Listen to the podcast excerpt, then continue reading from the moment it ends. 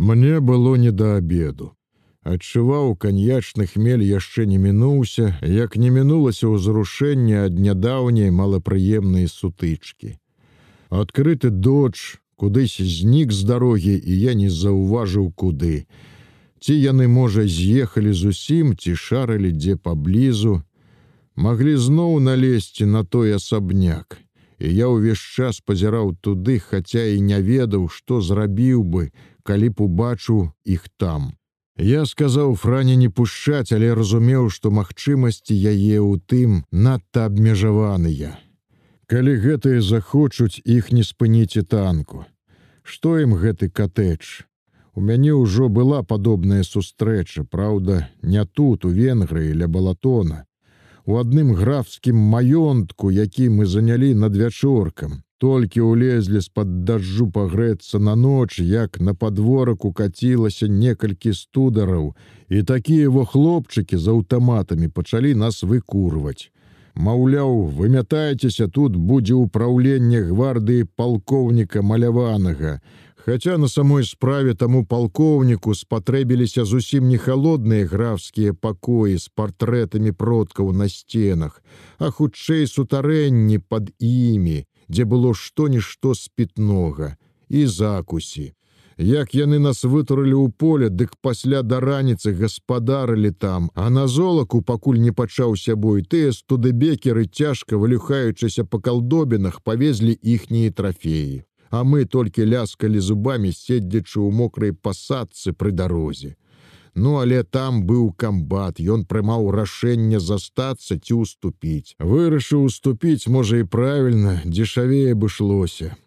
Бо што б мы зрабілі з той п'янай хеўрай, надзялённай уладай высокага начальства. Тут жа камбат далёка, рашэнне належала прымаць мне, во я і прыняў. Цяпер буду чакаць наступства.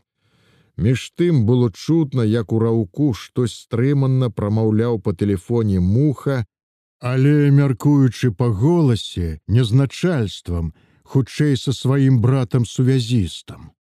Пагутарыўшы трохі, устаў ад тэлефона і голасна абвясціў: « Брацця славяне, вайне конец. Мы ўсе на агнявой знерухомілі, змоўклі, чакаючы тлумачэнняў радаснай навіны, і муха, натапырыўшы свае вусы з важнасцю аб'явіў. Брыгадныя радысты падслухалі заўтра капітуляцыі. А чаму нам нічога не кажуць, запытаўся мядзведзеў, Мабыць, скажуць. Муха зноў знік у раўку, прыпаўшы да свае трубкі. Цяпер адтуль чакаліся незвычайныя навіны, ад якіх радасцю займалася салдацкая істота. Сонцам асвятляўся ўвесь белы свет. Гэта ж трэба, скончылася вайна, і ты жывы. Цябе не забілі, ты будзеш жыць доўга-доўга. Не будзеш трэсціся ў зямлі і чакаць апошняга свайго выбуху. Ты вернешся дамоў, зноў бачыш маму знойдзеш сваё каханне, якое дасць табе законнае шчасце ў жыцці. Канец вайне. Але калі канец вайне, дык мусіць доўга мы тут не ўседзім. Мусіць жа мы некуды рушым, назад ці наперад, толькі наперад чамусь не пушчаюць немцы, ці яны не ведаюць пра сваю капітуляцыю, ці што зусім кепска нязгодныя з ёй калі якія эсэсаўцы дык ведама, тая капітуляцыя дае ім няшмат радасці, яшчэ яны паваююць. Не дачакаўшыся, аднак более дакладных навін я ўлез у равок і патэлефанаваў да камбата. Ці праўда, што ўжо фініта. Будзе фініта, скажам, ні на хвіліну не спознімся, а пакуль захоўвайце пільнасць, ахалодзіў мяне камбат. Мабыць так, калі загадана захоўваць пільнасць, дык, мабыць, нічога і не адбылося. Мабыць, радысты паспяшаліся, можа, дзеі капітулююць, а ў нас будуць марудзіць, чакаць загаду, таксама як і мы чакаем загаду зверху. У гэтым сэнсе нічога не мяняецца. Хоць і канец вайне усе падпарадкоўваюцца ўласнаму начальству, як і заўсёды, толькі начальство вырашае замірыцца ці ваяваць. Але ўсё ж калі капітуляцыі, дык, мабыць, не пакінуць нас. у гэтай зямлі. Цяпер ужо ў зямлі не сядзелася, і я выйшаў з агнявой на зялёную траўку побач. У наваколлі стаяла зусім мірная ціша, не стралялі ні мінамёты, ні гарматы. Не чуваць было і апрыклай трывожнай страляніны на перадавой. Штось усё сціхла, стаілася, чакала. Сапраўды ці не канец гэтай праклятай калатнечы. Настрой мой то поўніўся радасцю, то азмрочваўся невядомасцю, калі я кідаў позірк на недалёкі катэдж. Ужо мне карцела туды, канешне, да франі, як ёй быць цяпер з гэтымі старымі аўстрыякамі. Трэба дадому, на Беларусь, але як, куды я яе возьму, да маіх артылерыстаў на агнявую, Вядома, хлопцы былі б радыя, але што скажа начальства. Сонца схавалася за грамадзінай гор, У даліну напоўз даволі прахалодны цень, усё навокал спахмурнела, хутка губляючы сваю недаўнюю веснавую ўрачыстасць. З-за шчыльнага плота лесапільні патыхала палёным, даляталі паветры горкія подыхі пажарышчыў.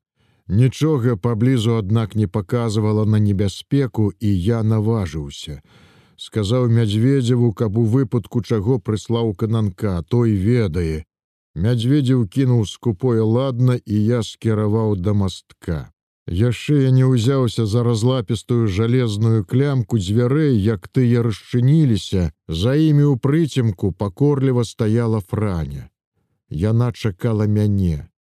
На гэты раз яна была без свайго фартушка ў каротенькай шэрай кофтачцы, паверх тых жа чорных і вузкіх штонікаў была надта прывабная і з сарамлівай гасціннасцю усміхнулася мне. Капітуляцыя франя Праўда? А божачка мой яшчэ неафіцыйна але паведамяць. Няўжо дачакаліся? Няўжо праўда быць дзіця радавалася дзяўчына? Трэба старым сказаць. Яна пабегла кудысь з вестыбюля А я застаўся ля засланага квяцістым абрусам століка з трыма тюльпанчыкамі у фарфоравай вазачцы. Я трохі недаўмеўся, што б значыла гэтая яе паспешлівасць наконт гаспадароў, ці сапраўды ўдзячнасць, ці добра выхаванае пачуццё абавязку, Я не ведаў яшчэ, як да таго паставіцца, калі праз расчыненыя дзверы ў вестыбюль сунуўся той высачэзны стары прафесор са сваёй фрау. Апошнюю скочыла ажывелая франя. Трохі адсопшыся ад, мабыць, доўгага пераходу, гаспадар глухім голасам сказаў нейкую даўгую фразу, якую тут жа патлумачыла франя. Доктор Шарф, віншуе з канцом вайны і дзякуе пану афіцеру за вызваленне ад нацызму. Калі ласка, великкадушна пагадзіўся я, жывіце ў міры. Доктар уважліва выслухаў франін пераклад, трохі помаўчаў. Відаць, па ўсім гаварыць яму было трудна, ці ён трудна збіраўся з думкай. Франя перакладала, Ён кажа: « Старыя шчаслівыя, што дачакаліся канца вайны а маладым цяпер прыйдзецца самім ладзіць будучыню Еўропы. Важна не памыліцца. Ды ўжо як-небудзь не памылімся. Калі дагэтуль не памыліліся, перамаглі, самаўпэўнена адказаў я і адразу адчуў, што перабраў. Не трэба было гэтак катэгарычна. Франя пераклала адказ. Доктор Шарф кажа, перамагчы ў вайне яшчэ не ўсё. А што ж яшчэ? Пасля цяжкой войны непазбежны і цяжкі мір ціха нібы нават не згаджаючыся з чымсьці пераклала франя я не зусім зразумеў што ён мае на увазе гэты стары аўстрыяк. Можа аднак і праўда можа і цяжкі мір але ўжо не цяжэйшы чым гэтая вайна. Ён кажа рускія павінны зразумець што нацызм і камунізм ёсць два канцы адной палки. Гэткія развагі я чуў упершыню і яны здаліся мне дзіўнаватымі, адной палкай мераць рассею і нямметчыну. У нас гэткім чынам ніхто не разважаў нават пад хмелем, за такія словы кожны мог апынуцца далёка. Мы не адважваліся гэтак нават падумаць. Ды да і не было патрэбы так думаць. Усё ж мы ваявалі з фашыстоўскай нямметчынай за свабоду сваёй краіны, Прычым тут два канцы адной палкі. Мабыць, разгубіўшыся, я маўчаў. Напэўна, адчуўшы маю ніякаватасць, гаспадар таксама нядоўга падумаў і, стрэмана кіўнуўшы на развітанне, павярнуўся на выхад. Пачакай трошкі, ціхенька кінула да мяне франя, таксама кіруючы за старымі. Аднак мне не сядзелася, і я падышоў да акна. Гэта зразумела, што за перамогай настане мірнае жыццё, але чамусьці не хацелася пра яго думаць. Цяпер усе думкі не ішлі далей перамогі. Той самы, да якой мы нарэшце наблізіліся пра якую столькі марылі ў цяжкія часы малых і вялікіх няўдач. У такія хвіліны яна здавалася нам як здзек, як жульніцкая пустая абяцанка шмат для каго менавіта такой і засталася, і яны нічога пра яе ніколі не пазнаюць. Іншыя во дажылі да яе, і можа яшчэ пакарыстаюцца яе плёнам. З вузкага акна з высокім быў царкве падаконнікам няшмат што было відаць, а мне ўсё ж патрэбна было бачыць мае гарматы. І я сказаў пра тое франі, калі яна прыбегла ў вестыбюль. Дзіўна, як за паўдня змяніўся яе настрой.